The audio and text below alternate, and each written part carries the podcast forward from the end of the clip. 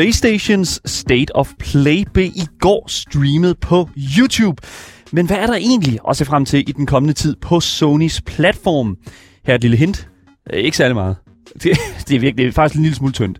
Men en ting, vi dog kan se frem til, det er altså, når vi i dag igen inviterer en af værterne fra 24-7 i Gamerstudiet for simpelthen at teste den menneskelige hjerne og dens kunde inden for gamerparatviden, samtidig med, at de spiller et VR-gyserspil imens. Det er, det er simpelthen quality content. Lad os bare sige det på den måde. Mit navn det er Daniel Mølhøj. Det er mig, der bringer jer den her quality content. Øh, men øh, jeg er selvfølgelig ikke alene om det, fordi jeg har også min fantastiske medvært og spilanmelder her på programmet. Asger Bukke med mig. Hej hej. Yep, jeg laver high quality content også. okay, as opposed to low quality content. Ja. Øh, hvilket også er her at finde her på programmet en gang imellem. Hvis du har noget, du gerne vil fortælle os, så kan du altså også øh, give os din mening om det, vi taler om her på programmet på nummer 92 45 99 45. I kan også skrive det til os i vores live chats på Twitch eller i 24-7-appen. Links til Twitch, Instagram og vores Discord finder du selvfølgelig i vores podcast beskrivelse, som du finder alle steder, hvor du kan lytte til din podcast. Der. Du lytter til Gameboys. Hvis ikke du øh, var klar over det, så er vi altså Danmarks eneste gaming-relateret radioprogram. Og øh, jeg synes faktisk, at øh, det er nok til at bare sige velkommen til, og lad os komme i gang med dagens program af Gameboys.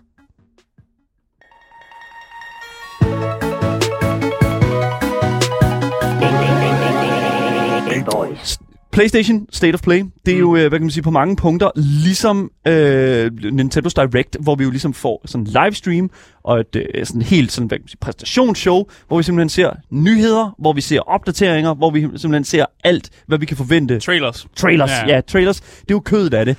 Ja. Og det er jo netop det, som vi skal tale om i dag, nemlig fordi i går blev der altså streamet på PlayStations egen YouTube-kanal netop den her State of Play livestream, mm. hvor der jo simpelthen var en, nu skal jeg lige, jeg skulle lige til at sige overflod af, af, af quality content. Ja, det, det var en tynd suppe, den her gang vil jeg sige. Det, altså, øh, der var ikke noget, man blev super meget overrasket over. Øh, og mange af de trailers, der kom, det var trailers til spil, som vi allerede har fået. Altså, vi har allerede fået trailers på dem, og vi ved godt, at de eksisterer og sådan noget. Så der var ikke så meget nyt. vi taler ned, vi taler det allerede ned, Asger. Og det nyt, vi fik, det var sådan lidt... Øh, ikke så godt. så så jeg, vi har, jeg har forsøgt at, i hvert fald at tage noget af det, altså det, jeg synes, der var det bedste Ja. med at ligesom præsentere det. Og, og jeg synes egentlig bare, at vi skal hoppe ind i de, det første spil, som jeg blev meget overrasket over at øh, bli, se blive annonceret. Og det øh, var det her spil, som hed Trek to Yumi.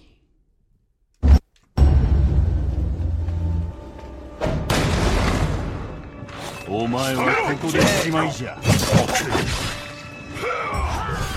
Hold Ja, da kæft, Som mand. man det, kan høre, så er det en masse øh, japanske slagsmål. ja, det, det, det, er i Øh. hvert fald, altså det er ikke Sifo, vi snakker om nu. Nej, det kunne næsten godt have været det med de lyde kunne der. være det, ja, lige præcis. Men øh, altså det her spil, øh, Trek to Yumi, det er lavet af studiet, der hedder Flying Wild Hog, som øh, står bag et øh, spilserie, som hedder Shadow Warrior, hvis man nogensinde har spillet det. Det er sådan lidt, minder lidt om sådan doom Lidt doom ja. men sådan lidt med en anden, sådan lidt visuel stil at gøre Mm. tingene på. Men øh, spillet, de ligesom præsenteret øh, her, som hedder Trek to Yumi, det foregår tilbage i tiden i Japan, i den tidsperiode, som hedder Edo-perioden.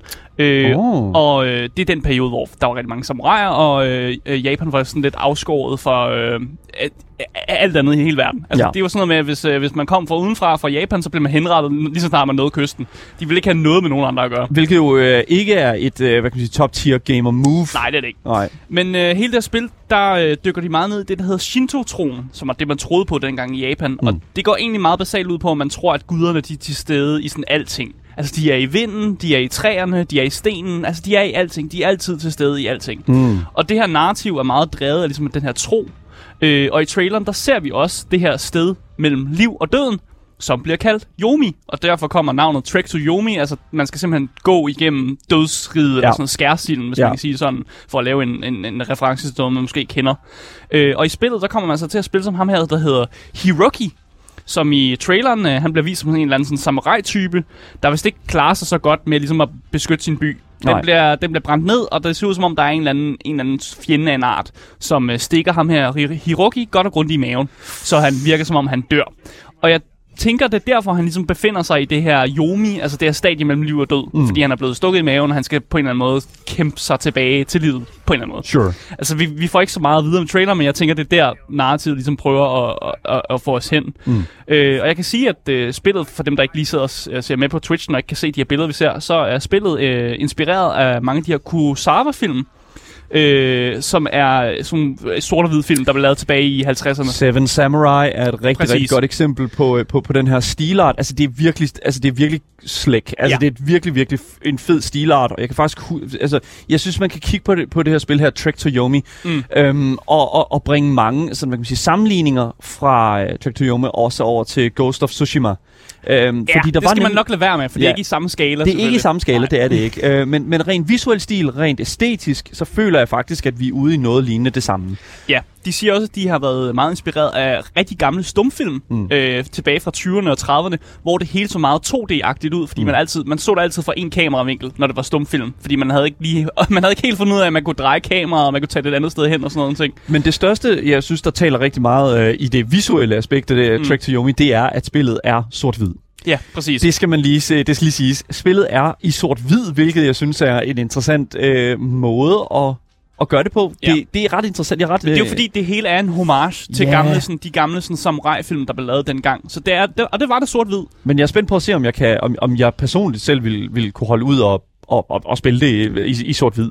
Det, det tror jeg godt, man kan. Det er lidt altså, jeg bleak. synes, jamen, jeg synes, det er en dejlig, unik æstetik på en eller anden måde, fordi jeg synes, der er, sgu, ja. Der er sgu mange spil, der laver det der med, at de går helt sådan comic book, og så kaster de bare rundt med farverne, mm. og det kan også være vildt og nice og godt at se på, men nogle gange kan det også godt blive for meget for øjet. En ting, som jeg også lige lader mærke til i den her øh, gameplay-trailer, øh, det er faktisk, at Trek to Yomi er rated M17, Mature 17+. Plus. Ja, altså, der er nogen, der får hugget hovederne af lige i starten, Men, så det... men, men det er faktisk en rigtig, rigtig høj rating. Altså, det er virkelig et... øh, Altså, altså, vi er faktisk på kanten til, at jeg vil sige, at, at vi får lov til at se folk nøgne i det her spil også. Jamen, det være. Fordi altså, det er i hvert fald det, en, en M17-rating kan tillade af til. Øh, hvis, selvfølgelig, hvis det har, har et formål. Ja, og nu nævnte du godt nok det her Ghost of Tsushima her. Ja.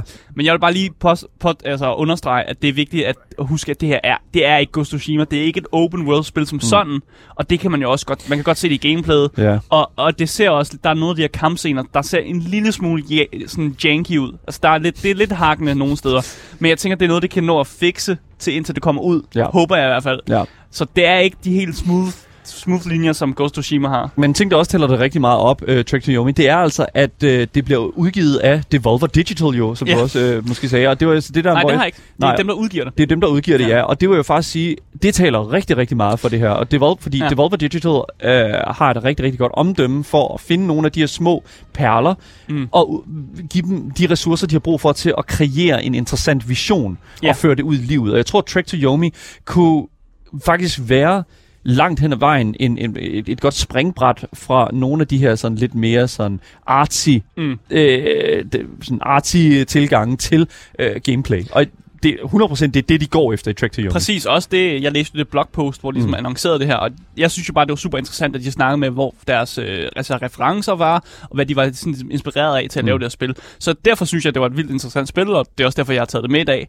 Øh, og jeg kan også fortælle, at det, det kommer ud til foråret ja. i år, og det er, jo, Spring. det er jo snart. Ja, det er meget, meget. Det er jo lige om lidt. Men vi har ikke fået en, en konkret dato. Uf. Øh, jeg tænker, der er lige nogle ting, der skal, nogle, nogle ender, der måske lige skal binde sammen, før de kan release det. Men de siger foråret i år. Ja. Så øh, vi må bare holde øjne og ører åbne for at se, Øjne om, og øh, ører åbne. Altså, det kommer jo selvfølgelig ud på, øh, på øh, hvad hedder det nu, øh, på, på Playstation. Ja. Det er jo, det er jo play, Playstation her. Men jeg har altså også, jeg kan altså også se her, at der er også Game Pass. Ja, så der kommer Øh. også øh, Day One Game Pass, var faktisk det, jeg læste mig frem til. Xbox PC. Så det er sådan en, det er ikke en exclusive ting her. Det er altså en, en Game Pass ting også. Så hvis du har et Game Pass abonnement, Ja, så kan Øh, du få det lige så snart det Day dropper. one, så det er fucking fedt. Det er ikke reklame, det er bare en virkelig god anbefaling herfra. Mm. Top tier gamer, øh, gamer tip Mm. øh, her fra Gameboys her. Men skal vi gå videre til det næste spil, som bliver annonceret til øh, State of Play? Ja, for Fuck det næste nice. spil, som øh, jeg har taget med, det er øh, et spil, vi har snakket om før, men jeg vil gerne snakke om det igen. Det Mm. er nemlig Forspoken. It is quite beautiful. Yeah, in a everything here wants to kill you kind of way.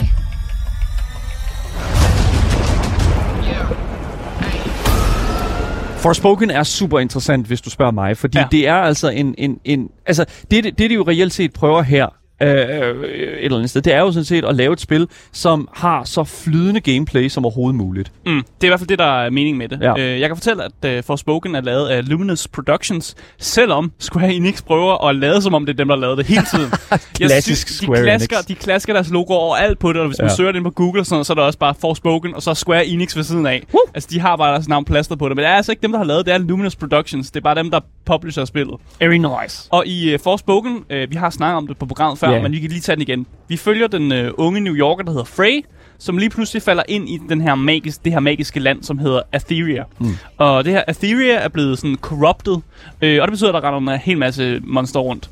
Og så er det jo op til Frey ligesom at, at redde den her magiske verden, fordi hun har fået nogle magiske kræfter, som gør, at hun ligesom kan bekæmpe de her monster. Ja.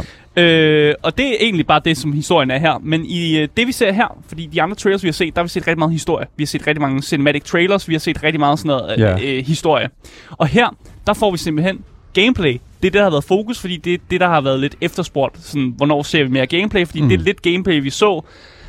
Der sagde, du sagde, det var sådan lidt hakkende. Det, det, det virkelig... Jeg synes ikke, det var hakkende, men Daniel sagde, det var lidt hakkende. og man kan jo sige et eller andet sted, det er, hvad det er. Altså, øh, og grunden til, at jeg synes, at, vi, at det er så fedt, at vi lige taler om det her, det er jo selvfølgelig fordi, at den her gameplay-trailer, den reelt set viser, at de adresserer nogle af de, Jeg føler Ja. virkelig, at de, man kan se, at de har adresseret nogle af de ting allerede. Det er blevet mere smooth. Yes, men, Og- en, men en ting, som der faktisk hjælper det rigtig, rigtig meget, det tror jeg, det er udgivelsesdatoen. Ja, fordi det, hele den her trailer den er faktisk lidt bittersweet, eller mm. sådan bittersød, hvis man kan sige sådan, fordi Forspoken skulle faktisk være kommet ud i den her måned. Fuck. Øh, men det er blevet udskudt til den 11. oktober. Yes. Øh, og det vil sige, at altså, vi skal vente længere på at se det, men jeg tror også, det har noget at gøre med, måske det, som du sagde, at der var noget lidt hakkende gameplay, og når man prøver at gå efter den mest sådan, sådan smooth måde at, ligesom, at, at spille på, så skal man bare have det helt i orden. Ja. Og det, jeg ser i den trailer, der er en kæmpe stor fight med den her kæmpe stor drage.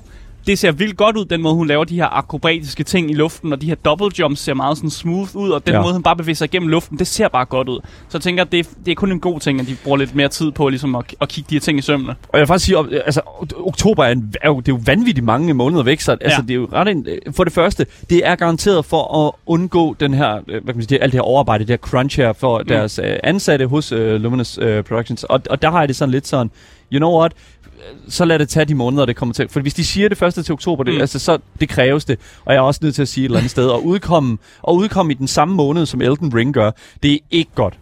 Det er Ej, ikke godt. Gør, jo, man gør det lidt efter. Ja, det er godt. Babylon's Fall, Altså, listen up, først- man. Det, det, Det var jo meningen, at det her spil skulle først skulle være kommet ud der den 25. marts. Ja, det er stadig ikke godt. Det er et godt stykke tid efter, en- at folk har været, er blevet færdige med Elden Ring. Folk er ikke færdige med Elden Ring i år. Til det den er jo- 25. Ja, det er godt. Det er, folk er Jo, ikke færdige i Elden det Ring. jeg Nixon. Bixen. Det, der også gør mig lidt overrasket, det er, at de har fået lov, at Luminous Production overhovedet fået lov til at rykke øh, udgivelsesdatoen fra, øh, fra der, den var før, til Ja. det, den er nu, fordi det er Square Enix, som jo er deres øh, publisher.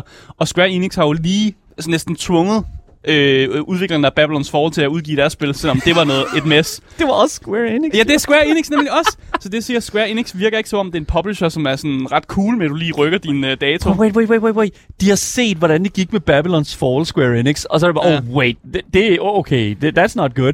Okay, fair enough. Uh, måske vi lige skal, skal lade, hvad hedder det nu, uh, Luminous Productions lige have lidt mere tid. Jeg elsker, hvis det, seriøst, hvis det er tilfældet, så er jeg omega glad. Det er jeg seriøst det, noget, jeg tror, jeg, det, tror jeg ikke, men jeg tror, det er sådan, det er det happy coincidence, eller sådan, at, at det er tilfældet, ja. Prøv at forestille dig det, bro. Men Nå, som sagt, ja. uh, Forspoken, det er blevet rykket til den uh, 11. oktober. Det Mhm. har en vild, unik, fed præ- øh, præmis, og jeg glæder mig til at få det her spil mellem hænderne. Uh, og jeg, jeg ser meget frem til det. Mega fedt. Det næste spil, Asger, øh, som øh, blev annonceret, i hvert fald som fik en lille opdatering ja. Til sig, øh, det er til øh, øh, 2022's State of Play, i hvert fald her i marts øh, 2022. Mm. Øhm, det var jo et spil, som, som, som vi faktisk ikke har set super meget til Og vi har set lidt. førhen. Jamen, Men vi altså, har men set den- gameplaymæssigt føler, Ja. jeg, ikke- jeg føler jeg virkelig, at jeg har været in the dark omkring, hvad fanden det her det går ud på. Og vi har set lidt. Okay, men har vi det? Ja, men det er Jeg har fordi, ikke set de en trailers, skid. vi får, er ret forvirrende. Ja. Ja. Så jeg tror måske, man har set det, og så tænker, hvad fuck foregår der? Ja, lige præcis. Øh, og det spil, jeg kan lige så godt præsentere det. Mm. Det spil, som øh, vi skal snakke om nu, det er Ghostwire Tokyo. こいつは大勢の魂を借り集めそれを利用して冥界と現世をつなごうとしている Jeg fatter ikke en skid. Ja. Jeg fatter ikke skid. Det er japansk. I'm sorry. Ja, vi har fået endnu en trailer til uh, Ghostwire Tokyo, uh, hvor vi får knyttet lidt mere historie på, hvad helvede der egentlig foregår i det her spil. Mm. Det har været lidt forvirrende. Øh, og det er, også, det er også det, der er meningen med, tror jeg. Det er udviklet af Tango Gameworks, men det er faktisk Bethesda, som er, øh, er med til at udgive det her. Ja, det er sjovt. Ja. Bethesda er med til at udgive det her. Jeg, jeg synes, det er en god ting, at yeah. De ligesom er med til at oversee det og gøre det, så det ikke bliver så super forvirrende, at folk mm. overhovedet ikke fatter, hvad der foregår. Mm. Men vi ved nu, ifølge den her trailer, at byens beboere i Tokyo, de er forsvundet, og at der nu er væsener fra japanske myter, japanske folkefortællinger og bylegender, der ligesom har indtaget øh, byen i stedet. Så det er både sådan gamle, gamle folklore, men det er også sådan nyere, sådan nye fortolkninger af de her ting, som ligesom går igen i, de her, i, i, den her, i Tokyo, som det er. Ja. Og man spiller som øh, karakter, der hedder Ak- Akito, som er en beboer, beboer som øh, mærkeligt nok ikke er forsvundet. øh, og Akito, han får hjælp af det, som spillets øh, crea- creative director kalder en spøgelsesdetektiv What? ved navn KK. Okay, Ja. okay, fair enough. Så, så okay, ja. Ja. Og så sammen så prøver de at finde ud af, hvad fuck der foregår, samtidig med, at man, de prøver at stoppe den her skurk, der hedder Hanai, som åbenbart er skyld i, at alt det her foregår. Ja. Så der er en skurk, der hedder Hanai, som er skyld i, at, at menneskene er forsvundet, og at de her øh, mærkelige væsener ligesom render rundt i, i bylivet. Det er sjovt, jeg får en lille smule sådan uh, Cyberpunk øh, 20, øh, 2077, og sådan en lille smule Dying Light vibes også over, ja, over det, her. Altså, der er ikke rigtig zombier. Nej, der er ikke zombier, men det er whatever, ikke? Altså, jeg får hårde Hideo Kojima-vibes. Ja. Bare fordi det er så fucking mærkeligt, og sådan ud af boksen og tænke på den her måde. Mm. Og, og den måde, det også ligesom har det her med, at gøre med liv og døden, og sådan med, at der er folk, der er forsvundet, og, og mærkelige væsener, der går igen og sådan noget her. Og vi får også se i traileren, at uh, Akitos søster ikke har det så super godt. Ja. Og Akito vil gerne redde hende, så det virker som om, det er ligesom drive, drivfaktoren for den her karakter. Så nu, har, nu får vi endelig et eller andet med, at okay, karakteren har et formål ved, hvorfor de prøver at stoppe den her skurk, fordi de skal prøve at redde deres søster. Ja. Og vi har faktisk også fået at vide fra det blogpost, der blev lavet i forbindelse med det her State of Play, øh, og det her spil, der blev annonceret, der har vi fået nogle, øh, nogle ting at vide, og vi ved, at historien faktisk bygger på Faust. Faust. Ja, af, af Goethes, tror jeg, Ja, han hedder ham, der ja. Så historien kan have et eller andet med, at man bytter sin sjæl for at få magiske kræfter, Okay, fordi man prøver at opnå et eller andet. What a twist. Ja, det er i hvert fald det Faust sådan, i, i sin sådan, Ja. ja. basale ha, egentlig handler om. Mm. Det der med, at man sælger sin sjæl til djævlen, og så får man nogle kræfter og sådan noget. True. Og der bliver også nævnt, at den her skurk, der hedder Hanai, at hans maske åbenbart er vigtig for fortællingen. Og bare lige så for, for folk, der ikke lige sidder og kigger med her, så har han det, der hedder en nordmænd maske på, som traditionelt i japansk øh, scenekunst, det bliver brugt til, når man laver skuespil, hvor skuespilleren skal portrættere noget ikke-menneskeligt, Ja. sådan som et spøgelse. Så masken har ligesom et eller andet formål med, at den viser, at ham her skurken, han åbenbart er en eller anden form for spøgelse, eller han er et eller andet ikke-menneskeligt. Ja. Øh, og så det fede ved den her maske, det er, at uans, øh, man, hvis man ser den fra forskellige vinkler, så har den forskellige ansigtsudtryk. Og det var derfor, det var rigtig god scenekunst, fordi man kunne ligesom, øh, man kunne, Ja, lege, lidt, man kunne lege lidt med lyset, og hvor man satte publikum hen, og så vil masken have forskellige udtryk. Det, det eneste, jeg sådan kommer til at tænke på her, det er jo sådan, altså sådan, det er Ghostwire Tokyo, men altså Ja. hvis man skulle lave det med, med en anden by, Ghost, altså Ghost, okay. Ghostwire Horsens, ikke? Ja. Og så hvis folkemyterne fra Horsens. Har du nogle gode folkemyter fra jeg har Horsens, rigtig der? gode folkemyter fra Horsens. Det er, øh, hvad hedder det, Mose Claus og Porno Ole. Okay. Det sådan, ja, det, de, de Så kommer, man, kan- man møder Mose Claus, som prøver ligesom at fortære han din bor, sjæl. han, ja, han bor i Bygholms øh, skov, og så, hvad hedder det nu, øh, Porno Ole, han kommer på øh, kom tit på, på hjørnet af, af Legade. Okay, ja. Øh, er, så- er det her rigtige steder i Horsens? okay.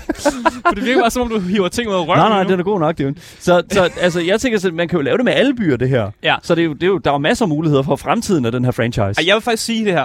Ja. Fordi de trailer, jeg har set fra Ghostwire Tokyo, der har jeg virkelig ikke været super turned on. Nej. Jeg synes, det har været forvirrende. Jeg synes, det har været lidt sådan, hvad fuck hvor foregår der? Mm. Men jeg synes faktisk, det her, den sidste trailer, der synes jeg, jeg får lidt, lidt mere sådan...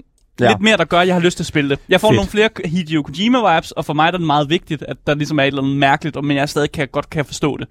Så jeg vil sige, at lige præcis den trailer gør, at jeg måske godt kunne finde på at øh, købe Ghostwire Tokyo, når det kommer ud den 22. marts i For den real? her måned. God damn! Det er jo snart, det er om 12 dage fra, 22. fra i dag, den 10. Ja. Yeah. Ja. Så jeg glæder mig til Ghostwire Tokyo faktisk kommer ud. Fuck, hvor vanvittigt. Det er, ved du nu, jeg tror, det er alt det, som, øh, som jeg, i hvert fald jeg blev, øh, der er også selvfølgelig, jeg er også nødt til lige at påpege det, fucking Teenage Mutant Ninja Turtles Cowabunga Collection. Ja. Øhm, så øh, uden at vise for mig, altså det er jo sådan set bare en samling af alle de øh, sådan, øh, side-scrolling beat'em-ups, øh, som er blevet lavet af Teenage Mutant Ninja Turtles. Og vi har faktisk en original kopi af NES-titlen Teenage Mutant Hero Turtles, mm. som de hedder her i Europa. Øhm, jeg har faktisk en, en original NES cartridge herinde i studiet, øh, lige og holder den i hånden her. Og det er altså, ja, it's so fucking great. Og en, det er en samling af 13, øh, sådan en collection af 13 øh, sådan, øh, Turtles-spil, som virkelig fucking kan anbefales. Så det kommer altså ud på Playstation. Mm. Så, øh, og, og, og det synes jeg bare, at folk de skal glæde sig til. Men, øh, men jeg tror sådan set bare, at... at, Altså, at det siger noget om State of Play. Hvis, yeah. hvis noget af det gode, Daniel kunne finde, det var Teenage Mu- Mutant Ninja Turtles. Hero Turtles er, skal vi bo i EU. Altså, Nu skal du tage dig sammen. Cowabunga Collection. Hell yeah, okay. det siger noget om State of Play der.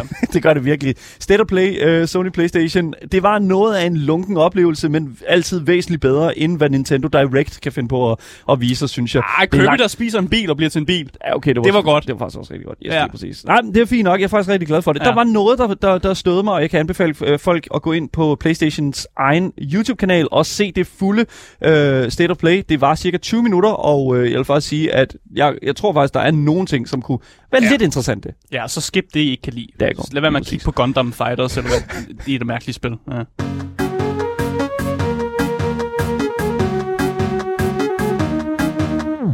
Hvis du først er droppet ind nu, så kan jeg altså fortælle dig, at du altid kan lytte til Gameboys som podcast, hvis du bare søger på det gyldne navn. Gameboys. Lige præcis. Husk, at du altid kan give os din mening omkring de ting, vi taler om her på øh, programmet på nummeret 92 45 99 45, eller skriv det til os i vores live chats på Twitch eller i 24-7-appen. Mit navn er Daniel Mølhøj, og med mig i studiet har jeg jo min fantastiske medvært, Aske Bukke. Yes. Fantastisk. Men nu skal vi til noget helt andet. Ja, præcis, fordi vi skal faktisk til øh, det, vi kan kalde dagens videnskabelige forsøg. Altså, Yes. vi laver ikke så mange videnskabelige forsøg, men i dag, der, der laver vi et mere. Vi laver lidt. Fordi vi er jo gået i gang med at teste vores øh, medværter på 24-7, øh, hvor vi ligesom er gået i gang med at finde ud af, hvor meget den menneskelige hjerne egentlig kan finde, øh, at finde ud af, når de er under pres. Ja. Og øh, personen, som vi skal presse i dag, det er simpelthen øh, ingen ringer end øh, Mathias Stilling. Øh, velkommen til programmet. Jo, mange tak, mange tak. Du, øh, du, øh, du har en øh, anden mikrofon på, end vi har, så det lyder nok lidt anderledes, øh, men Ja. det er fint nok. Det skal ikke, det skal ikke betyde så, længe, noget. at, øh, så længe man kan høre mig, så er Det kan godt. man. Det kan Skal man jeg sidde her? Ja. Ja. starte med? Ja. Sæt du dig Ah, fornemt. Ja, Yes. du er øh, journalist på programmet Reporten her på 24-7. Det er Ja, korrekt, det, ja. det er korrekt.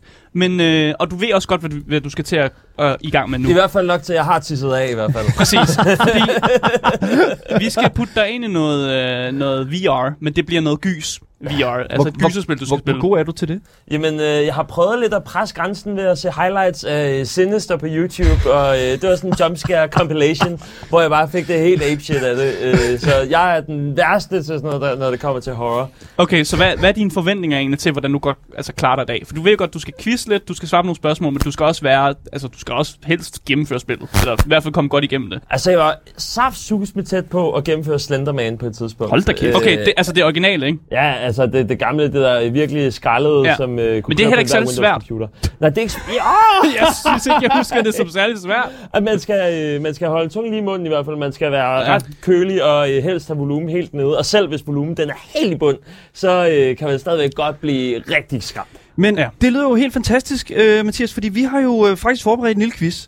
Og øh, inden, vi, øh, inden vi kommer for godt i gang, så, øh, så gik jeg jo hen og spurgte dig, Mathias, hvad for nogle spil, som, som du jo reelt set øh, følte dig mest sikker i, når det kom, sådan kom til, til, hvad du selv spiller og sådan noget. Der sagde du tre spil. Du sagde Counter-Strike, Ja, du sagde Magic the Gathering, lige præcis. og så sagde du også Red Dead Redemption 2. ja, Lige det er jeg i gang med. Det er du i gang og jeg med. tror, jeg er nået omkring de 60% i det. Perfekt. Okay, Det er skide godt. så kan være, der er et jeg spørgsmål, der en er svært. typer, som har en, øh, jeg har en PlayStation 5, og det eneste spil, jeg har til min PlayStation 5, det er Ja. Red Dead Redemption til PlayStation 4. Okay, men det er jeg glad for. Men det, det, altså Red Dead Redemption er en fucking godt spil. Altså jeg var inde og kigge på Metacritic her, inden vi gik på, og jeg, jeg så egentlig, at Red Dead Redemption 2 jo faktisk er et af de bedste spil, nogensinde lavet. Altså i, for, godt. i forhold til ratings i hvert fald, inde på Metacritic.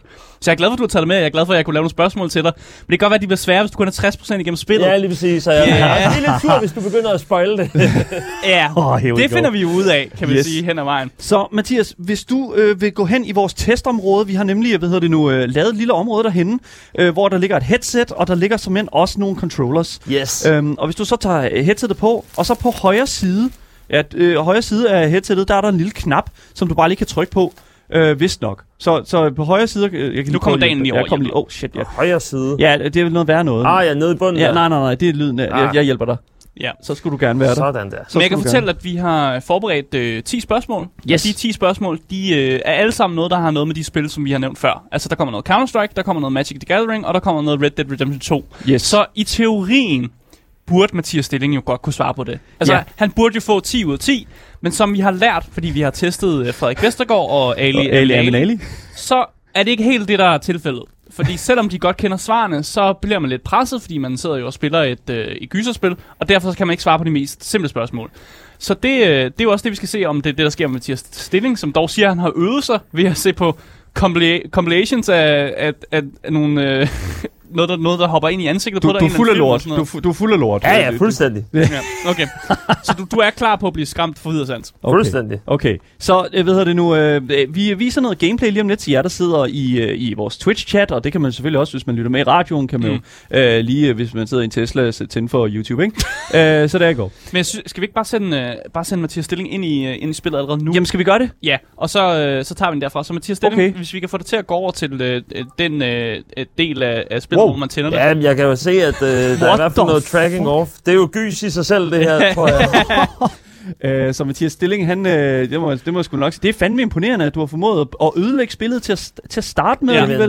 Men Jeg er jo en mester, en mester i at glitche. Det er jo det mest uhyggelige. Hvad jeg, tror, jeg tror, vi genstarter spillet. Prøv lige, øh, det kan du godt selv finde ud af, tror jeg. Øh, så hvad hedder det nu? Øh, vi starter med det der, og så tænker jeg, at vi, at vi lige øh, kører det ind der. Øh, så er du, er du good, øh, Mathias? Kan du, kan du finde hen til, til, til genstarten af, øh, af appen? Øh, ja, det tror jeg. Nu skal vi lige se her. Det er allerede super uhyggeligt for mig. Ja. Her, tekniske ja. problemer. Det, uh. Altså for at sige det mildt, så har øh, Mathias Stilling, han har gjort det, som vi i gamerverdenen kalder, at han har taget til the backrooms. og det er simpelthen, fordi han, er- han, er, han er glitchet ud af væggen og sidder fast i loftet lige nu. Og er, det, det, øh, er, er, jeg uhyggelig nok bare sådan med min blotte tilstedeværelse? ja, det er du faktisk. Kan, du, kan du genstarte spillet? Jamen, øh, det er jo lige før, altså det er jo jeres program, kan man sige. Jamen, så det kan er man jeg, der ved, hvordan at, øh, sådan et spil her Jeg prøver fungerer. lige at gøre sådan Okay. der. Hvordan øh, kører det for dig så? Øh, nu ser jeg... Ja, okay. Nu, Okay, kan du så starte spillet igen? Kan du starte spillet derfra, hvor du er? øh, lad os se. Nu prøver jeg lige at trykke Jeg ind ved ikke, hvor Mathias Stilling er lige nu i, øh, i sit øh, videospil. Han er forsvundet til the Han er forsvundet ind i the backrooms, ja. Ja, jamen, jeg, nu er jeg ude i menuen. Du er ude i menuen. Ja, det er jo fantastisk. Det er skide godt. Så hvis du bare trykker på det der, hvad, hvad hedder det nu, øh, spil, som, øh, som du Det, skal spille. descending. Yes, lige Ja. præcis. Sådan der. Tryk på Sådan det. der. Så er du igen. Så skulle du være der. Det handler også lige om, at jeg øh, skal være komfortabel med de her øh, VR-controllers, som jeg har i mine hænder. Det, kan der, det, det er jo meget vigtigt. Det Jeg har, kan jo noget. kun, jeg har jo kun set øh, VR øh, utrolig meget, og jeg har spillet en lille smule Beat Saber. Ja. Så øh, det er lige nøjagtigt det, jeg kommer til at hente. Så du har faktisk slet ikke spillet et, et sådan VR horrorspil før? Nej, Så, jamen, så kommer, altså jeg kan ikke garantere, at du ikke skider i bukserne. Fordi det er faktisk skræmmende. Altså, jeg, Asger, jeg har, jeg har tisset af, men øh, resten, det finder vi så lige Altså- ud af. Jeg er jo stadigvæk i en øh, hardcore this is, this is so bad. Oh my god. Der er altid et eller andet, der går galt, når vi tænder for det VR-headset. Oh my god. Alright, så hvad hedder det nu? Uh, giv mig lige uh, to sekunder. Asger, du uh, holder lige Mathias varm, ikke? Jamen, det gør jeg så. Jeg kan fortælle dig, Mathias, at øh, jeg vil faktisk gerne vide, øh, i forhold til Magic, Magic the Gathering, fordi det overrasker mig lidt, at du nævnte det som de spil, du spiller. Spiller du den online-version, eller spiller du det fysisk? Jeg har primært den online-version. Den online-version, ja. hvor at, øh, man jo kan spille ranked modes og øh, bygge alle sine decks der, og så på den måde, det er sådan lidt, hvad kan man sige, freemium-spil. Ja. Og øh, jeg er begyndt at spille det gratis efterhånden, fordi at jeg ikke kunne følge med på serierne længere. Ja, det kan jeg også godt forstå, fordi jeg, øh, altså den måde, jeg kom ind i Magic the Gathering på, var faktisk også, at jeg spillede den online-version først, og så købte jeg lidt kort og sådan noget, men jeg har, ikke, jeg har ikke spillet så meget fysisk, og jeg har faktisk også lidt lagt det på hylden, fordi jeg synes, det, man skulle lidt være lidt dedikeret på en anden måde, for, Men jeg- men for at være med. Men jeg synes helt klart, at den fysiske metode, den er utrolig god, fordi du kan, øh, altså hvis at du bare spiller med dine kammerater, så er det jo også noget med, at du bare kan printe kortene ud og smide i sleeves. Ja, ja. Og så er der alle mulige forskellige sjove game mods, du kan lave ud fra det. Øh, det er jo ikke alle, der lige har en Black Lotus i, øh, i, i sit repertoire eller i sin samling. Ja, Så præcis. der er, nogle, der er nogle sjove mechanics, du så kan lave, hvis at du laver sådan nogle kæmpe store 200 kort dæk, og så laver du sådan en form for øh, noget, der hedder cube, hvor at, øh, man så alle sammen trækker fra den samme pile, og så bliver det bare sådan et fuldstændig vanvittigt koncept, og det tager øh, flere timer, men det er skide sjovt at lave. Okay, og det du simpelthen lavet, I lavet, hvor I bare simpelthen printer jeres egen kort ud. For jeg ved, at der er også nogle spillere meget dedikeret, som synes, det, det er blasfemi, hvis du begynder at, at, at printe kort ud. Jeg vil også sige, at det er blasfemi, men det er samtidig også en nem måde at komme ind i det på. Det er jo sådan, ja. Hvad kan man sige, øh, den, den lettere måde at gøre det på. Man kan jo selvfølgelig også tage de simplere måder, som er drafts ind i Farve Cigar for eksempel. Ja. hvor du ligesom køber de fysiske kort og sådan noget. Det er jeg mest til, for, øh, hvis det skal være helt rigtigt. Jeg startede med at spille fysisk allerede, da jeg var sådan 9 år gammel. Okay, så- okay, så du er, du er øh, dedikeret fan jo, kan man sige. Dedikeret fan, ja, og så har jeg lige haft nogle år, hvor at jeg ikke har øh, spillet så meget, men så da der begyndte, der, der var sådan en tidligere online-platform til mm. Magic, øh, der bare hed Magic Online. Ja, den har jeg også hørt om. Men Og der, var, der var folk øh, lidt sure på den. Ja, det, altså, det var ikke lige så godt, men så var det som om, at så øh, adaptede de øh, gameplayet sådan, så det lignede lidt mere Hearthstone for eksempel. Ja. Og det gjorde så, at det blev meget mere brugervenligt, og det faktisk blev en, øh, en væsentligt bedre spiloplevelse, hvor det før bare var, øh, hvad kan man sige, nærmest som om, at du, du spillede på en Internet Explorer-browser fra 2001. Mm. Men nu ved jeg også, jeg, jeg ved jo også, at Magic, the Gather- Magic the Gathering er en dyr hobby. Og jeg vil bare høre, har du, har du et cirka-tal på, hvor mange penge du faktisk har brugt på sådan fysiske kort? Er det meget, eller er det bare lidt? Altså, jeg spillede jo sådan før, at jeg fik andet end øh, en løn. Jeg fik kun lommepenge af mine forældre, men jeg brugte alle mine lommepenge, fra jeg var 9 til jeg var My 12 man. år. My man. Så Okay. øh, jeg tror måske, ah, det er svært at regne på, jeg kan ikke huske, hvad jeg fik, men det er igen sådan noget, hvad koster et par sko? 2.000 kroner. Hvad koster øh, Magic Card i tre år? Jeg tror altså, alle mine lommepenge. Og så Ja. har jeg ikke sagt for lidt. Jeg tror, vi er klar. Jeg fik fikset de tekniske problemer. Det, er- det, det er jo altid lidt spændende. Men hvis du bare trykker New Game, og så øh, går vi ind, og så tror jeg, vi er klar. Sådan cirka. Så sudden death will occur to those who do not pay attention. Så du skal virkelig pay attention i, øh, i øh, det her spil, øh, Mathias. Og øh, jeg tror sådan set bare, at... Ah! Allerede øh, rigtig godt i gang. Mathias, du var lige ankommet. Mathias, kan du hvad ikke- foregår der? Hvad sker der? Jamen, jeg, hvad, se, jeg er i et rum, hvor at, øh, det, er blevet, det er blevet mørkt udenfor. Ej, jeg kan næsten ikke engang. Det er skide godt. Så tror jeg, vi er klar til det allerførste spørgsmål i dag. Yes. Jamen, øhm, skal, vi, skal vi tage det først? Jeg tager det første spørgsmål. Ja, skal vi det kan du godt. Super. Så kortspillet Magic the Gathering er sammensat af nogle forskellige farver. Kan du ikke fortælle mig, Mathias Stilling, hvor mange farver er der i Magic the Gathering? Der er fem. Du, du, du er helt klar? Du, der er fem, siger du? Der er fem, med mindre at, øh, altså, der er, øh, hvad hedder det, rød, grøn, sort, hvid, blå. Så er der artifacts og multicolor. Der go. Det er fuldstændig rigtigt. Ja. Du har et point til at starte med. Allerede første point er i gang. Nå, det, det skiftede bare vinkel. Gameplay ryster helt vildt, og det er ikke fordi, at det, ved du, øh, det er, ved det nu, øh, at der er noget galt med det. Det er altså bare Mathias Stilling, der ryster lidt. Ja, Så- Mathias øh, ryster helt vildt faktisk. Jamen, det er fint. Jeg tror, du prøver at vise, at du har en bog, du har dit inventory. Ja, ja, nej, nej, men det, det er fint nok. Der er Jeg tager ikke at mig om. Mm. Ah, ah, okay. Hvad så? Altså, Mathias, du skal, du skal, vi Ikke kigge i spejlet. skal ikke kigge i spejlet. Hvorfor ikke kigge i spejlet? Jeg tror, der er en dør, du kan gå ud af, ven. Hvor? Så kan du lige, hvis du på, på begge triggers, begge triggers om på bag, bagsiderne. Men det kan også være, at han skal finde nogle, Nej, nogle det ting tror jeg først. ikke. Jeg tror ikke, han skal finde nogle ting. Jeg tror bare, han skal finde en dør, der kan åbne. Og oh, der er også en dør derhen. Det er skide godt. Så, hvad hedder det nu, uh, Mathias Stilling? Fuck, jeg ryster, mand. Er du, er du klar til, til Oh, næste... han, har fundet ud, han har fundet ud af at åbne døren. Sådan der. Øh, Mathias, er du klar til næste spørgsmål? ja. Og der er man en Du har allerede et, et point. Det er skide godt. Skal jeg tage den næste? Ja, jeg tager tager den næste. ja. Counter-Strike har en bred vifte af våben, som man kan købe inden kampen starter. Men hvor mange dollars koster det, øh, koster det at købe maskinværet, der hedder, øh, udtales det Negev? Ja, Negev. Ja, lige Negev? præcis. Hvad, hvor meget koster det? Koster det, du, vil du have svarmuligheder, Mathias? Øh, jeg tror, det er 5.200, men bare giv mig nogle valgmuligheder. koster det 1.500, koster det 1.700, koster det 1.900? Øh, nej, så det, og Negef, øh, det er 1.700. Du siger 1700? Ja. Det er korrekt. Det er korrekt. Det er korrekt. To point. to point allerede ud af 10. Hold da Ja. kæft, mand. Mathias, du klarer det rigtig godt. Mathias, du ryster lidt. Mathias, men... du klarer det så flot. Du er så flot. Så du har fundet dig en nøgle i, øh, i spillet her, og det ryger direkte i dit inventory. Det er skide godt. Sådan, perfekt. Så er vi videre. øhm, men, Mathias, hvordan har du det lige nu? jeg er sådan halvt lukket øjne. Nå, det er, det er skide godt. Perfekt. Så jeg tænker, at vi øh, er klar til tredje spørgsmål. Jeg skal bare allerede tage den, eller skal vi Ja, ikke lige lade Mathias øh, koge lidt mere? Jeg kan slet ikke åbne døren, fordi kan du ryster så meget. Ja, Mathias, jeg tror, du skal tage nøglen ud af dit inventory. Der kan du, øh, hvis du kigger ned, så tror jeg, du ser et inventory Ja, der. så kan du tage Tag den- nøglen ud, og så yes. bruge den. Så kan du bruge den i døren. Oh, sådan du er der. så god. Sådan der. Det er skide godt. Godt klar. Åh, nej, det her. Åh, Hvad sker der? Hvad så, Hvad, Mathias? hvad sker der, Mathias? ja, jeg, fik, jeg fik et eller andet flashback eller sådan noget. Mathias, er du okay? Mathias, hvad sker der? Nå, nej, okay, det, jeg tror, det er fordi, jeg var ude af VR-range på en Ja, du skal lige gå tilbage i din, øh, din lille Nå, ting der. så er det bare mine kolleger, der går ud foran glasset. Alright, jamen øh, perfekt. Øhm, ja, nu er du ude i gangen i, den, her- i det her hus her. Ja. Ja. Det, det, Øh. det er mega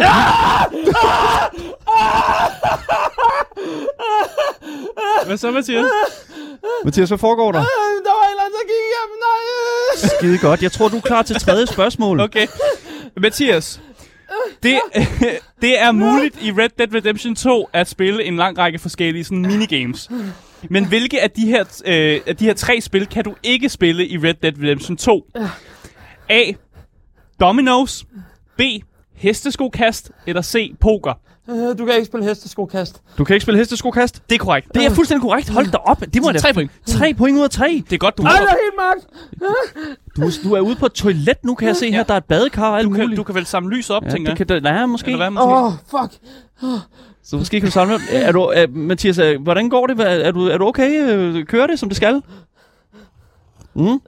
Jeg kan ikke samle lys op. Jeg tror ikke, du kan samle lys op. Jeg tror ikke, du kan samle lys op. Du kan få et øh, hot gamer-tip. Vil du have et hot gamer-tip, Mathias? Er det et spørgsmål, som jeg får point på? Nej. Nej, det var et tip. Kig på kommoden, så er der en lille lighter. Åh, oh, ja. fuck. Tag lighteren der. Det har jeg hørt om. Sådan der. Nej, det er en god lyskilde. Så kan du få noget lys der. Skide godt. Mathias, hvad, hvad er problemet? Jeg kigger rundt. Nå, men det, jeg tror, det er helt fint. Du er ude på et badeværelse. Det går nok. Nej. Så, jeg Altså, tror, badeværelser er jo hyggelige. Det er Jeg jo tror- der, hvor man laver sin bummelummer og sin bimmelim. BMLM, ja, lige præcis. Nummer 1 og 2. Så Asger, jeg har et spørgsmål til dig. Ja, hvad er det? Skal vi stille ham det fjerde spørgsmål? Jeg ved ikke, om vi... Ja, vi kan Ja, godt. skal vi det? Jo, skal vi tage det? Vi Skal vi tage det fjerde spørgsmål? Vi kan godt tage så, det så fjerde. synes jeg, du skal tage det. Ja, okay. Mathias, i uh, Magic the Gathering, hvad er så det maksimum antal kort, du må have i dit spillerdæk? Altså officielt. Er det A, 40, er det B, 60, eller er det C, intet maksimum? Åh, oh, ja, jeg tænkte nok, det var et trick-spørgsmål, fordi der er intet maksimum i et standarddæk, så er der 60 kort. Til draft, der er der 40. Okay. Okay, okay, men hvad er dit svar? Så hvad er Øh, dit det er, svar? der ikke er noget maksimum på et øh, dæk. Det er fuldstændig korrekt. Ja. Fun fact, i Magic the Gathering, så må du faktisk have et kort, der er så stort, som du vil have det, så længe at du kan... så længe at du kan, hvad hedder det? Så længe at du kan... Det- det er bare skyggen. Ja, det er bare skyggen. Det er bare skyggen af det der. Mathias Stilling bliver bange for sin egen skygge. Ej, jeg, kan- jeg kan ikke gå ned i kælderen nu. Det er jo ikke nede i kælderen, du er ovenpå lige nu. Du er ovenpå jo. Du er ovenpå, du skal faktisk, du kan, har mulighed for at gå ud af huset. Åh, Nå, men, øh, øh, du, så længe du bare kan ved nu, øh, shuffle dit dæk med dine hænder, så øh, er det faktisk fint. Så må du have så mange kort, du vil i dit Ja, dæk. så der er, teknisk set er der jo faktisk en maksimum, og det er jo Ja. lige så snart, du ikke kan shuffle dit dæk. Men, men det er jo ikke, der er ikke et fast maksimum. Nej, der er i ikke Magic, et fast. Så det er der, jeg går. Så du får men- point. Fire point ud af fire. Du er allerede et point, altså du er et point øh, bag øh, de, hvad hedder nu, de to tidligere, Frederik Vestergaard og Ali Aminali. Ja, du klarer pisse godt. Mathias, altså du, du klarer det virkelig fucking flot. Er det, Øh, er det for nemt, Mathias? nej, nej, nej, jeg... Øh, åh. Er du sikker? Du går jo slet ikke nogen steder. Nej, det, jeg, har, jeg har sådan et mindre barndomstraume med at gå ned. Åh. Jeg lover dig, trapper. du kan ikke falde ned ad trapperne. Det kan, medmindre du falder øh, med, med dine hænder. Husk at bruge, øh, husk at bruge kalenderet, ikke? Det er skide godt. Hvad, er du okay? Hvad? Der kommer bare sådan en wimping. for Mathias øh, Stilling, der laver fantastiske lyde. Øhm, jamen, jeg tror sådan set bare... Skal, Og han, han går meget langsomt ja, det gør rum. virkelig, men det er også okay. Du skal, du, husk, du kan åbne skufferne og sådan noget, så kan du se, hvad der er i skufferne. Fuck det, nu går jeg savage. Går du sav... Han smed lighteren. Sådan der. Han fik lighteren i hånden igen. Så, Mathias, er du, øh, jeg tror, du er klar til næste spørgsmål. Det er spørgsmål ja. nummer 5. Du er næsten halvvejs. Ja. Hvad Ja. siger du til det? Åh, oh, fuck. Så siger fuck, er det en dårlig quiz? Øh, Der er lang tid. Undskyld, jeg må jo ikke bande. Jo, det må du. Hvorfor det, må du ikke det? det må Det, du da det, det, det, det er a long time gone på det her program. Game Boys, anyways. Jeg tror, vi er klar til femte spørgsmål, og det er et Counter-Strike-spørgsmål. Og der ved jeg, at du føler dig rigtig godt hjemme, Mathias. Så Counter-Strike har en god portion forskellige officielle game modes. Men hvilket et af de her tre game modes er ikke i CSGO? Er det A, Flying Scoutsman? Er det B, Precision Point? Eller er det C, Arms Race? Øh, øh, precision point. Så precision, du svarer Precision Point. Hvad får dig til at svare det? Øh, jeg synes ikke, jeg har hørt om de andre. Du har ikke hørt om de, du, du har ikke, okay, du har ikke hørt om Precision Point, eller har du ikke hørt om, om de andre Øh, svarmuligheder? jeg har ikke hørt om precision point. Okay, fair enough. Vi skulle lige forstå, hvad du mente der. Men ja, det er korrekt. Det er korrekt. Precision Point er ikke et af dit, øh, øh, ikke et øh, game mode i Counter-Strike, så du er 5 point. Du har nu altså 5 ud af 5. neck, ud, neck and neck. Altså, det, jeg må virkelig sige, at vi, Ja. har fandme, vi har fandme gjort det godt i dag. Nej, Den øh, lighter bliver ved med at forsvinde ind i hans øh, inventory. Nu står øh, Mathias Stilling i mørket i det her hus her. ej, det er ikke rart, det her.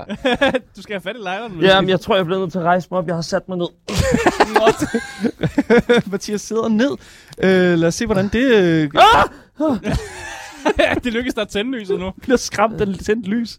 Nå, du prøver en dør her. Lad os se, hvordan det går. Øh, den vil, jeg tror ikke, den vil åbne. Øh, Det kan være, der er en anden dør, der hvad er der en måske. anden dør, der måske åbner? Oh, der er en med en lås der. Den tror jeg sgu ikke, du kan... Han sidder og kilder Kilder på låsen, det er ikke så Åh. godt. Nå, men øh, jeg tror... Øh, Skal have Mathias... Come at me, bro! Ah!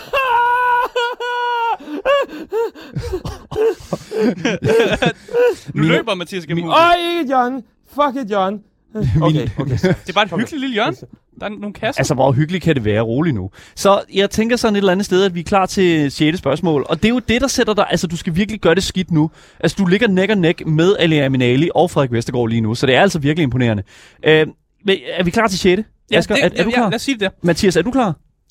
Skide godt. Mathias, Så- du får, du får det shit her. Du får det 6. Ja, fordi lederen af øh, din bande i Red Dead Redemption 2, der hedder Dodge, øh, han bruger meget tid på at, ligesom, at forbande den her rivaliserende bande, som hedder The O'Driscoll Gang. Men hvad hedder lederen af The O'Driscoll Gang? Hedder han Sean O'Driscoll? Hedder han Calm O'Driscoll? Eller hedder han Edgar O'Driscoll? Mm. Øh, kan jeg lige få dem en gang til? Er det Sean? Er det Calm? Eller er det Edgar? Uh, det er, det er altså O'Driscoll til efternavn, ja. Så det, Ja. det tænker jeg ikke var så Øh, vigtigt. Jeg tror, det, det er Edgar. Du tror, det er Edgar O'Driscoll. Det er forkert. Det er fuldstændig forkert. Det, Shit. det er Colm O'Driscoll. Colm O'Driscoll. Come goddamn Colm O'Driscoll. Ja. Og jeg vil simpelthen sige, det er første forkerte svar, som uh, Mathias Stilling har givet os i dag. Ja, det jeg er har så imponerende. Lidt, jeg har været lidt nederen mod dig, fordi jeg har jo faktisk navn, altså de andre navne er teknisk set karakterer, du også møder i Red Dead Redemption 2, så det er, det er et svært spørgsmål. God damn, dude. Men, øh, men du gætter forkert. Ja. Så det, det, det er det første spørgsmål, du rent faktisk har forkert. Det må jeg fandme sige. men Mathias, vi skal altså have dig videre spillet her. Du kan ikke bare gå frem og tilbage. Nu- så, du- så er du nemlig ikke skræmt nok. Nej, Mathias han render frem og tilbage den her gang her, og jeg, nu, vi er i gang med at prøve en masse døre og sådan lidt, og jeg tror faktisk, at du skal, øh, hvad hedder det nu, tage fa- nedenunder igen, Mathias, og så skal du finde et en andet toilet. Øhm, Nej, det nej. lige præcis. Så jeg tror, det... Øh, Og det er godt, du ved, hvad Helt nede på, ja, jeg har lige set et lille gameplay og sådan lidt. Jeg tror, jeg har en direction på ham. Så du skal, det, døren lige ude for dig der, øh, øh, Mathias. Den Den kan her? du, jeg tror, du kan tage fat i øh, håndtaget. Jeg tror, du kan tage fat i håndtaget. Yes, øh, og, og på en eller anden måde øh, åbne døren. Skal man låse den op måske? Fordi der er en lille lås Det ovenover. kan godt være, at du skal låse den op måske. Det er jo, at du måske øh, med tommelfinger og pegefinger lige skal gøre et eller andet.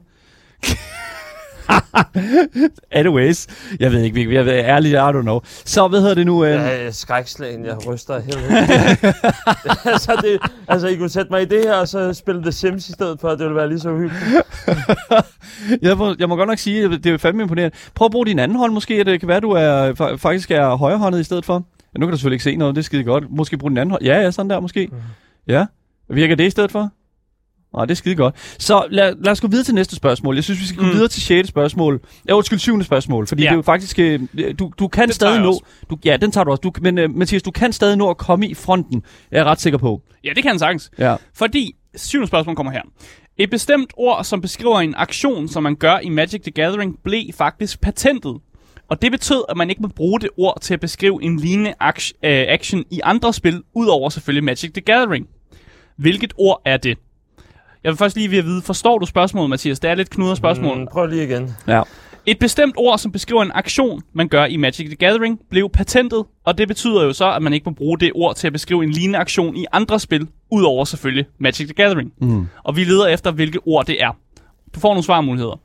Er det A, mill? Er det B, scry?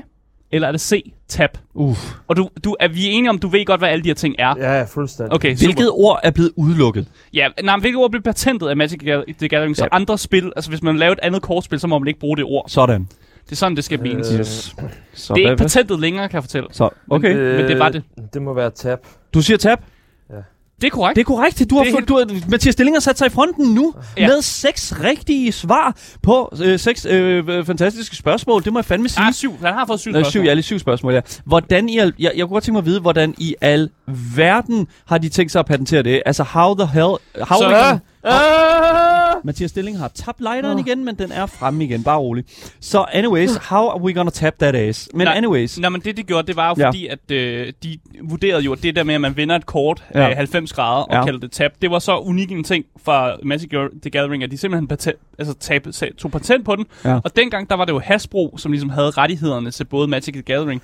Og de var meget hårde i, øh, hvis folk vil bruge det, så vil de simpelthen, de vil sende deres øh, team af lawyers efter dem, altså ja. advokater efter dem. Og det var selvom de måske ikke havde særlig god sag. Fordi det der med, at man vender et- kort 90 grader, og det kan man ikke patent, altså det kan man ikke tage Du kan ikke på. patentere det. Nej, så der var rigtig mange, der faktisk lidt gjorde grin med Magic the Gathering, der har patentet det, og bare kaldte det, Nå, nu, nu når man vender det, så flopper man, var der andre kortspillere sagde og sådan noget. Så i sidste ende, så endte der de faktisk med... Der, det, øh, der er et spejl. Så øh, Mathias, at droppe patentet. vi skal, vi skal have dig videre i det her spil her, så vi skal finde ud af, hvordan og hvorledes vi gør. Så Mathias, du skal prøve nogle døre. Har du, øh, hvordan går det med det? Hvem må, hvem, må, hvem må gå op igen, måske? Ja, måske på at gå op Ej, igen. Der jeg vil ikke, nu vil jeg slet ikke op igen. så må du prøve at gå op igen. Men Det kan være, den der person løber forbi igen. Nå, der var jo en dør deroppe, der måske øh, kunne åbne op der. Det er jo selvfølgelig rigtigt nok.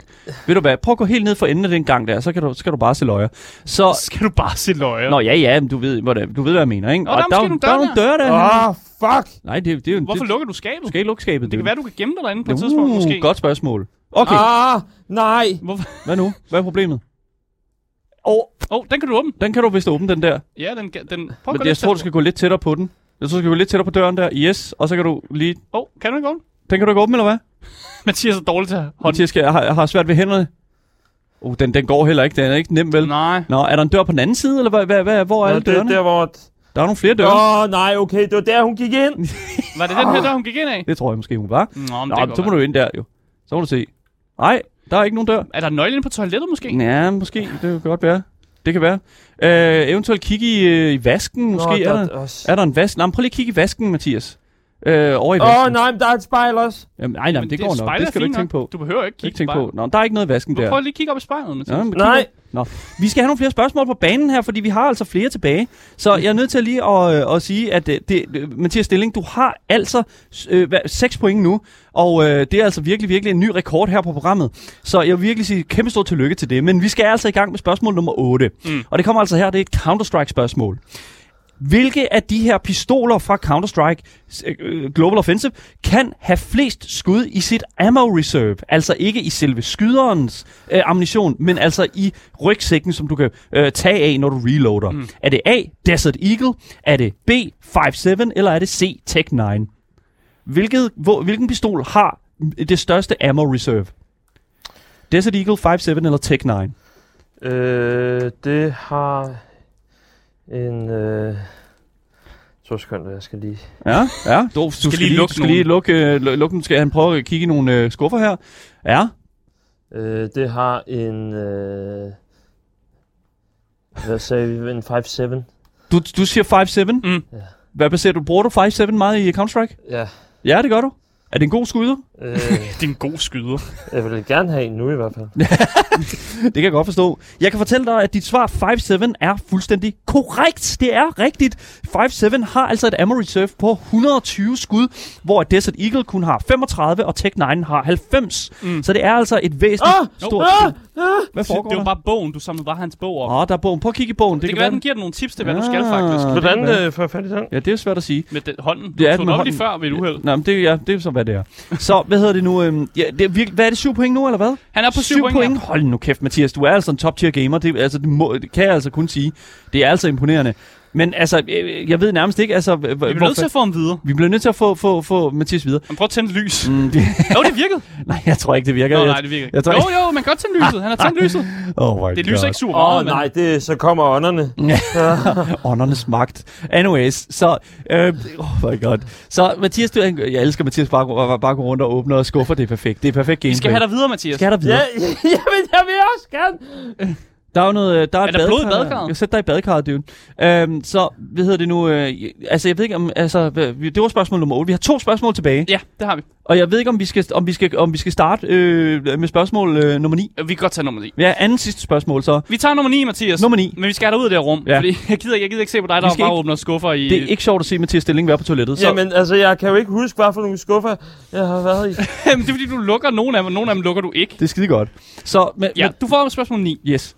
I Red Dead Redemption 2, så øh, strander Ar- Arthur Morgan på en ø, og hans, øh, han er- strander sammen med hans kompagnoner. Hvad hedder den her ø, han strander på? Hedder den A. Guam? Hedder den B. Castillo del Estos? Eller hedder den C. Vancouver? Hvad siger du til det, Mathias? Hvad var det første svar? Guam, så er det Castillo del Estos, og så er det Vancouver. Øh, det må være, jeg tror, det er Castillo del Estos. Du tror, det er Castillo de Lessos? Ja. Ja. Det er forkert. Det er simpelthen forkert. Det er ikke rigtigt. Det er noget, jeg har fundet på. Det er det rigtige svar er altså Guama. Guama. Ja. Ja. Men det, efter sine så du, du, er ikke, du er ikke nået så langt i spillet, sagde du. Det er altså også bold at lave et spørgsmål, Asger, ud baseret Ja. på progression. Men det er fordi, man ankommer til Guama sådan cirka halvvejs i spillet. Og Mathias, han- han er lige ved at være der, tror jeg, hvis han siger, at han er 60% i spillet. Så altså, det, det er tæt på, altså. Jamen, jeg, jeg er ikke engang kommet ud af Saint Denis endnu. Nå, men det er lige der omkring, om det er lige der omkring, du strander på øen. Jeg er ikke engang kommet. Til gengæld, Hvad? øh, jeg ved ikke, jeg, jeg tror også, jeg er ved at blive lidt svimmel. Jamen, det er godt, så skal vil du bare gå en tur nedenunder, fordi vi har nemlig kun ét spørgsmål tilbage. Ah, Yes, Ja. så ned ad trapperne, og så du, der er ikke noget andet at gøre, end at prøve hvad flere med døre. at gå derind igen? Det kan du godt. Det kan du godt. Du kan prøve at gå ind i soveværelset igen, hvor du startede. Det er sikkert også skide nemt. Så lad os øh, se og... Øh, ja, altså, jeg ved ikke, om vi bare skal tage det sidste spørgsmål. Jo, lad os eller om bare fyre det sidste spørgsmål af, og så, så spørgsmål. kan vi tage Mathias stilling ud af VR. Ja, så, øh, og lige sætte ham ned og lige give ham en rygmassage. Han så virker, som om, han virker som om, han er ved at blive svimmel. Ja, lad os, okay, fair enough. Så gør vi så. Okay, her kommer spørgsmål nummer 10 til øh, dagens øh, VR Horror Quiz med Mathias Stilling i hovedrollen. I Counter-Strike Global Offensive mappet Mirage kan du så på terroristsiden af banen finde et tv, som der viser noget på skærmen. Men hvad er det, der bliver vist på skærmen? Er det static? Er det en reklame for firmaet Black Mesa, som vi jo kender fra Half-Life-universet, som også er lavet af Valve? Eller er det den traditionelle pauseskærm? Hvad, hvad ser man på det her tv? Øh, den traditionelle pauseskærm. Du siger den traditionelle pauseskærm. Har, spiller du meget Mirage? Øh, ja, jeg dækker oftest over på den anden side af mappet. Ja, det er godt. Ved du hvad, jeg kan lige så godt sige til dig, det er fuldstændig korrekt. Du har fået, det er fuldstændig korrekt, Mathias. Oh my god, hvor er det altså bare imponerende. 8 point. 8 point ud af 10. Jeg har aldrig nogensinde set noget lignende på, på bar. Det har jeg heller ikke. På- oh, der er sgu da der! Til gengæld så må jeg øh, vurdere Mathias Stillings øh, måde at komme igennem spillet på som rigtig dårlig. Det er rigtig skidt. Det, det, det, var, det var 0 karakter. Det må jeg simpelthen sige. Mathias, jeg vil simpelthen sige... øh, God til at svare på quizspørgsmål, dårlig til at spille øh, øh, horror. Men- Ah, fuck! Mathias, du er velkommen til at komme ud af VR nu, hvis du, hvis du har lyst. Øh, tag endelig headsettet af og, øh, og, og øh, ved du nu, join os herude i den virkelige verden, fordi at, øh, du, er altså, du er altså færdig nu. Se, skynd dig at komme herhen og sidde i stolen her. Hold kæft, har du svedige hænder? Og hold kæft, du har svedige hænder, mand. Hold nu kæft. Det må jeg fandme nok sige. Det er fandme imponerende. Hold kæft, du har svedige hænder. Hold kæft, hvor, prøv lige at se de hænder der. Prøv lige at se. ej, ej, hvor er det klamt. Åh, satan. Mathias, Mathias Stilling. øh, Seriøst, Frederik. Vestergaard var mindre sved end dig. Og, Og han er kendt for at svede. Han er jo en svedig fætter. Øh, Sæt dig ned, Mathias. Er du okay? Har, er du okay? Hold kæft, hvor du sveder. Hold kæft, hvor du Jeg, synes, det var meget... Øh, Var du, var du immersed? altså, jeg var meget koncentreret om, at øh, jeg ikke skulle skræmmes overhovedet. Ja. Øh, men jeg gjorde, hvad jeg kunne, og jeg prøvede at lede efter nøglen. Jeg er ked af, progression, den var jo forfærdelig. Altså, der, der, man kan godt sige, det er ikke mig, der bliver sådan streamer på den der. Altså, det, Nej. men, øh, Og du bliver også mere skræmt over din egen skygge, når du tabte lighteren, end, når- end, end rent faktisk ting. Fordi der var et sted, hvor der var en person, der kom ud, men jeg tror faktisk også, der var et andet sted, hvor der var noget Ja. bevæget sig, du ikke lagde mærke til. Det er, hvad det er. Du bliver mere skræmt, du bliver mere skræmt af din egen skygge. oh, ja. Men Mathias Stilling, jeg må simpelthen sige, du er uh, på trods af svedige håndflader og øh, det nu, øh, sammenknivende baller, så må jeg simpelthen sige, at, at du simpelthen har, tager prisen indtil videre på førstepladsen i vores øh, VR Horror Quiz. Jeg må simpelthen sige, at det er så imponerende, hvad du har formået at gøre i dag. For til jer, der sidder derude og, og, og selv gerne vil have, have fingrene i det her spil her, så kan jeg altså fortælle, at på Steam hedder det altså Descending House of Nightmares. Øhm, og, øh, og Mathias, han får Nightmares på baggrund af det her spil. Ja, det ved jeg sgu ikke. Er det noget, du øh, kommer til at sidde i dig i dag? Øh, altså fra jeg var to til jeg var syv år, eller tre til jeg var syv, eller da jeg kunne huske, at jeg begyndte at drømme, der fik jeg jo mareridt om at gå op ad en trappe, hvor der var nogle klovne for, øh, for enden. Og øh, det var lige nøjagtigt det, som, og, og også nogle gange, hvor jeg drømte omvendt. Så det er ret meget det scenarie, jeg har gennemlevet igen, og jeg har aldrig sådan rigtig snakket med nogen om det. Så øh, øh, jeg, får, jeg har virkelig fået gennemlevet Det er vi da ked af. et barndomstraume. Det må jeg sige, det er fandme imponerende. Mathias Stilling, det er simpelthen tusind tak for at komme herind og hjælpe os med vores forskningsprojekt. Det har simpelthen været en kæmpe fornøjelse. Det var så lidt, og jeg tror ikke, jeg gør det igen. det, det, ved du hvad, jeg kan fortælle dig, det behøver du skam heller ikke. Tusind tak for at medvirke i dagens program. Øh, ja, tusind tak. Øh, vi øh, skifter over til, selvfølgelig til, øh, til nogle nyheder her lige om lidt. Hvis det er, at du har misset noget, så øh, kan du altså finde øh, dagens program som podcast, hvis du søger på det gyldne navn Gameboys. Så misser du aldrig en nyhed, en anmeldelse eller et interview nogensinde igen. Du kan også altid give os din mening om det, vi taler om her på programmet på telefonnummer 92 45 99 45. Hvis det er, at du har noget gerne vil sige, eventuelt hvorfor giver I os øh, nogle jumpscares, så kan I skrive det ind til os i, øh, på alle vores kontaktinformationer. Mit navn er Daniel Mølhøj, og med mig i studiet har haft Asger Bukke. Yes. Lige præcis. Vi ses igen næste uge til meget mere gaming og meget mere Gameboys. Hej hej.